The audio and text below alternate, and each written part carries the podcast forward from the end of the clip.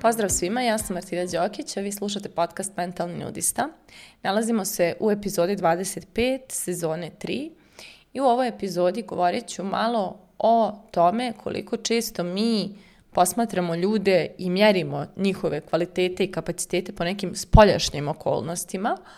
a koliko često zaboravimo da obratimo pažnju na neke unutrašnje okolnosti, odnosno na to um,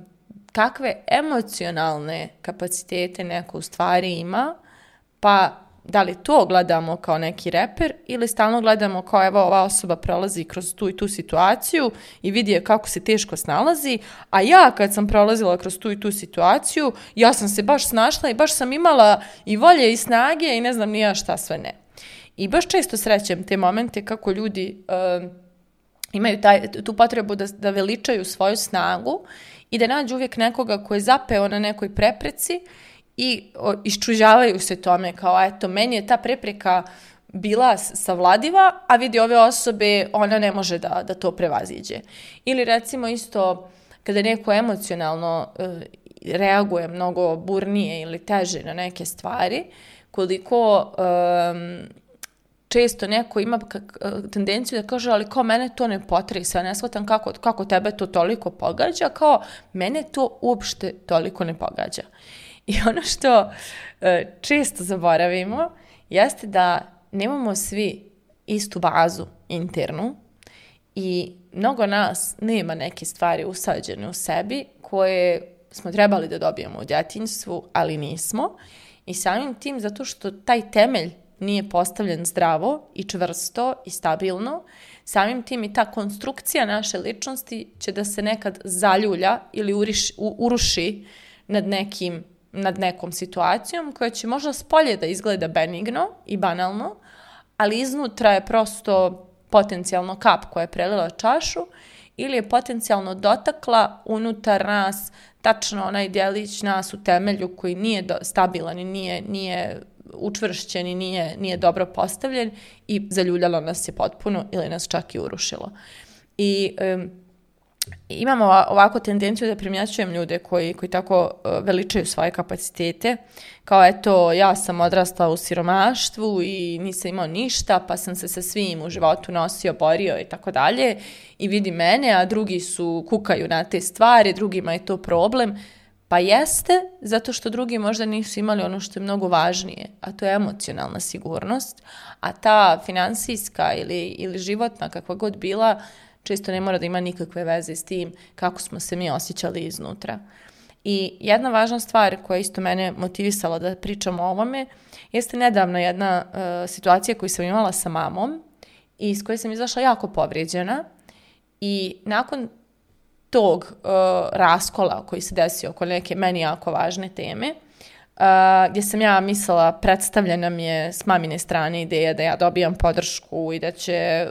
da će ona biti uz mene u tim nekim mojim odlukama i tome i tome. Međutim, uh, na kraju se ispostavilo da podrška tu samo ako ja uradim ono što ona misli da je ispravno, a ne i ono što ja osjećam da je za mene ispravno. Uh, I onda način na koji je sve to tako eskaliralo i riječi koje su izgovorene i svašta nešto, to je mene toliko povrijedilo i vratilo onoj maloj Martini koja je bila izranjavana mnogo puta, da sam se ja bukvalno dva dana osjećala kao živa rana otvorena. Znači, bukvalno sam se osjećala toliko ogoljeno, ugroženo i, i, i ranjivo, sam imala potrebu da se spakujem i pobjegnem negdje na neki kraj svijeta, ali nemam gdje da pobjegnem, znači, jer taj osjećaj dolazi iznutra. I to me podsjetilo u suštini da i malo vratim tu temu ovaj, ovdje u podcast, a to je koliko uh, često mi, unut, mi u svojim porodicama nismo dobili osjećaj sigurnosti emocionalni. Znači nismo se osjećali zbrinuto, bezbjedno, ušuškano, čuvano, od strane naših roditelja i mnogo ljudi koji to nisu dobili, jako mnogo ljudi i to je nešto što stvarno kreira ozbiljan feler u životu, emocionalni feler, koji onda posle utiče na to kako ćemo se nositi sa nekim situacijama i koliko ćemo imati nekih kapaciteta ili nećemo. Naprimjer, ja lično nikad nisam osjetila da sam zaštićena ili bez, ono, sa, da, da imam negdje nekog ko me čuva, pazi i kome sam ja nekako najvažnija na svijetu. I da se razumijemo, ja znam da sam ja svojim roditeljima najvažnija na svijetu, ali ono što ja govorim je da ja nisam nikad osjetila tu emociju, zato što način na koji oni iskazuju svoju ljubav često nije bio način koji meni daje taj osjećaj da sam bezbjedna, sigurna, shvaćena, viđena, voljena i tako dalje. I onda samim tim uh, u meni postoji ta rupa koja je prosto ono, ta, ta mračan, mračni dio mene koji uh, čezne za time da osjeti tu vrstu bezbjednosti i samim tim, pošto nosim u sebi tu nebezbjednost i taj osjećaj uh, nezaštićenosti,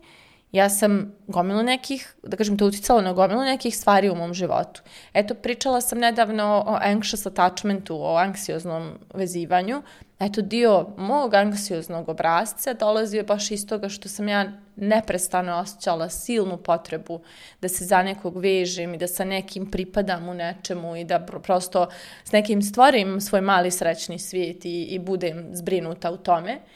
I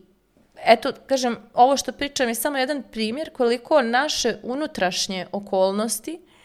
često nisu očigledne. I koliko mi kada vidimo osobu da se slomila nad tim što treba da da otkaz, a ima fenomenalan background i može vrlo lako da nađe novi posao, nije fair da tu osobu poredimo sa sobom jer mi smo eto vrlo lako dali otkaz. Da, možda nama ne fali taj emocionalni resurs da donesemo takvu odluku, a možda je toj osobi ta odluka baš trigerovala oni neke najveće nesigurnosti koje nosi u svojoj bazi, znači sve, sve te neke felere i nedostatke emocionalne koje nije dobila kod kuće, možda je taj posao davao iluziju toga i zato je sad ta odluka toliko krupna. Ili kada vidimo nekog da ga je slomilo, ne znam, raskid ga je slomio na način na koji, eto, nas nije slomilo, a mi smo voljeli i bili duže u vezi, ne znam koliko, a vidi ove osobe bila je kratko, a vidi koliko se slomila. Mislim, to opet ne priča ništa, jer mi uporno gledamo to šta je s polja, kao raskid jednako raskid, otkaz jednako otkaz, promjena, ne znam, države jednako promjena države, ali ništa od toga nije uh, ono što se mjeri. Ono što se mjeri je kako je toj osobi iznutra i da li ona unutar sebe zaista ima kapacitete i resurse i osjećanja koje će podržati da tu neku odluku sprovede ili čak koja će pomoći da opstane kada neke teške situacije nastupe poput, eto to, ne znam, raskida. I samim tim kada neko nema u sebi te emocionalne kapacitete, to s polja sve je mnogo teže nego što se drugima čini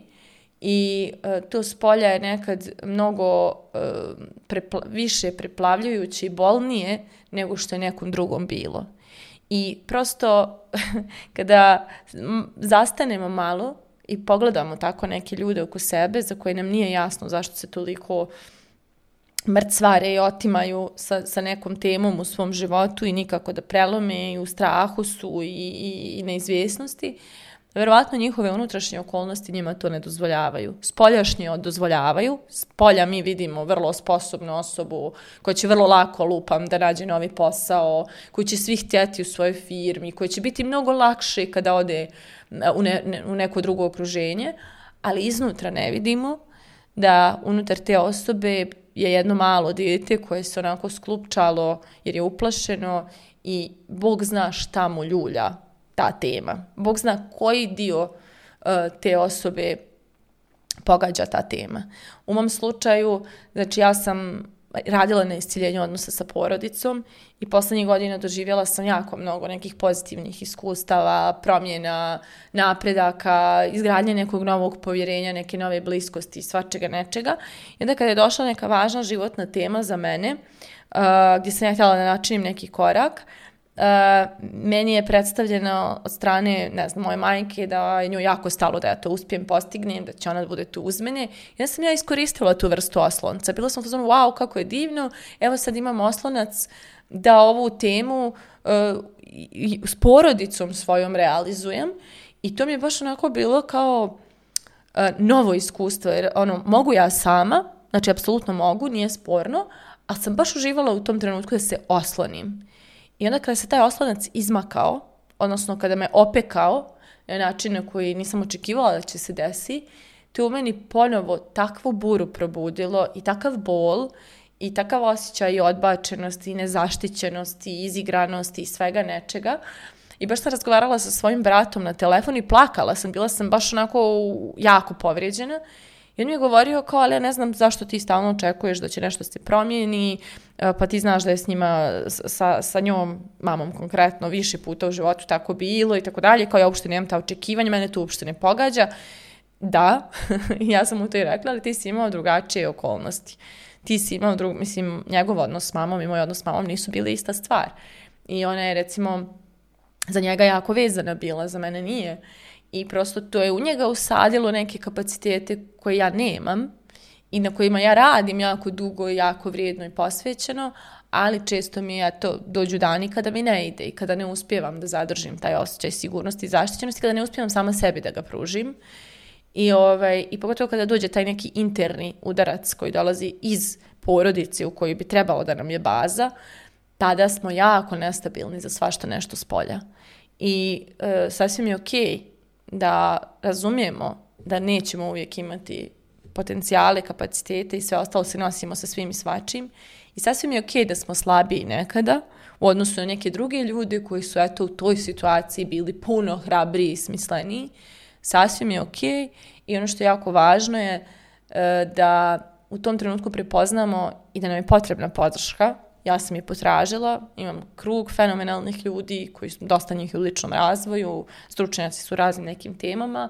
i dobila sam neki osjećaj zbrinutosti koji mi je falio i to me odmah, da kažemo, snažilo da ono, već polako, dan s danom, ja stajem na svoje noge i onda postajem polako osoba koja zna da može da ima sve potencijale i sve mogućnosti da sama realizuje to što želi, ali mi je bilo baš onako uh, ovaj, teško iskustvo i samim tim,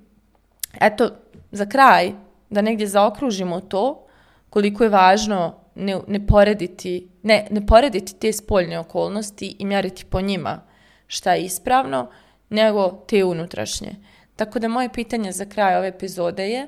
da li svoju snagu mjerite na osnovu spoljašnjih okolnosti i toga kako su se drugi nosili u tim okolnostima ili ste ipak zavirili u svoje unutrašnje okolnosti i shvatili koji resursi vam nedostaju. Mislite o tome, a mi se družimo u narednoj epizodi.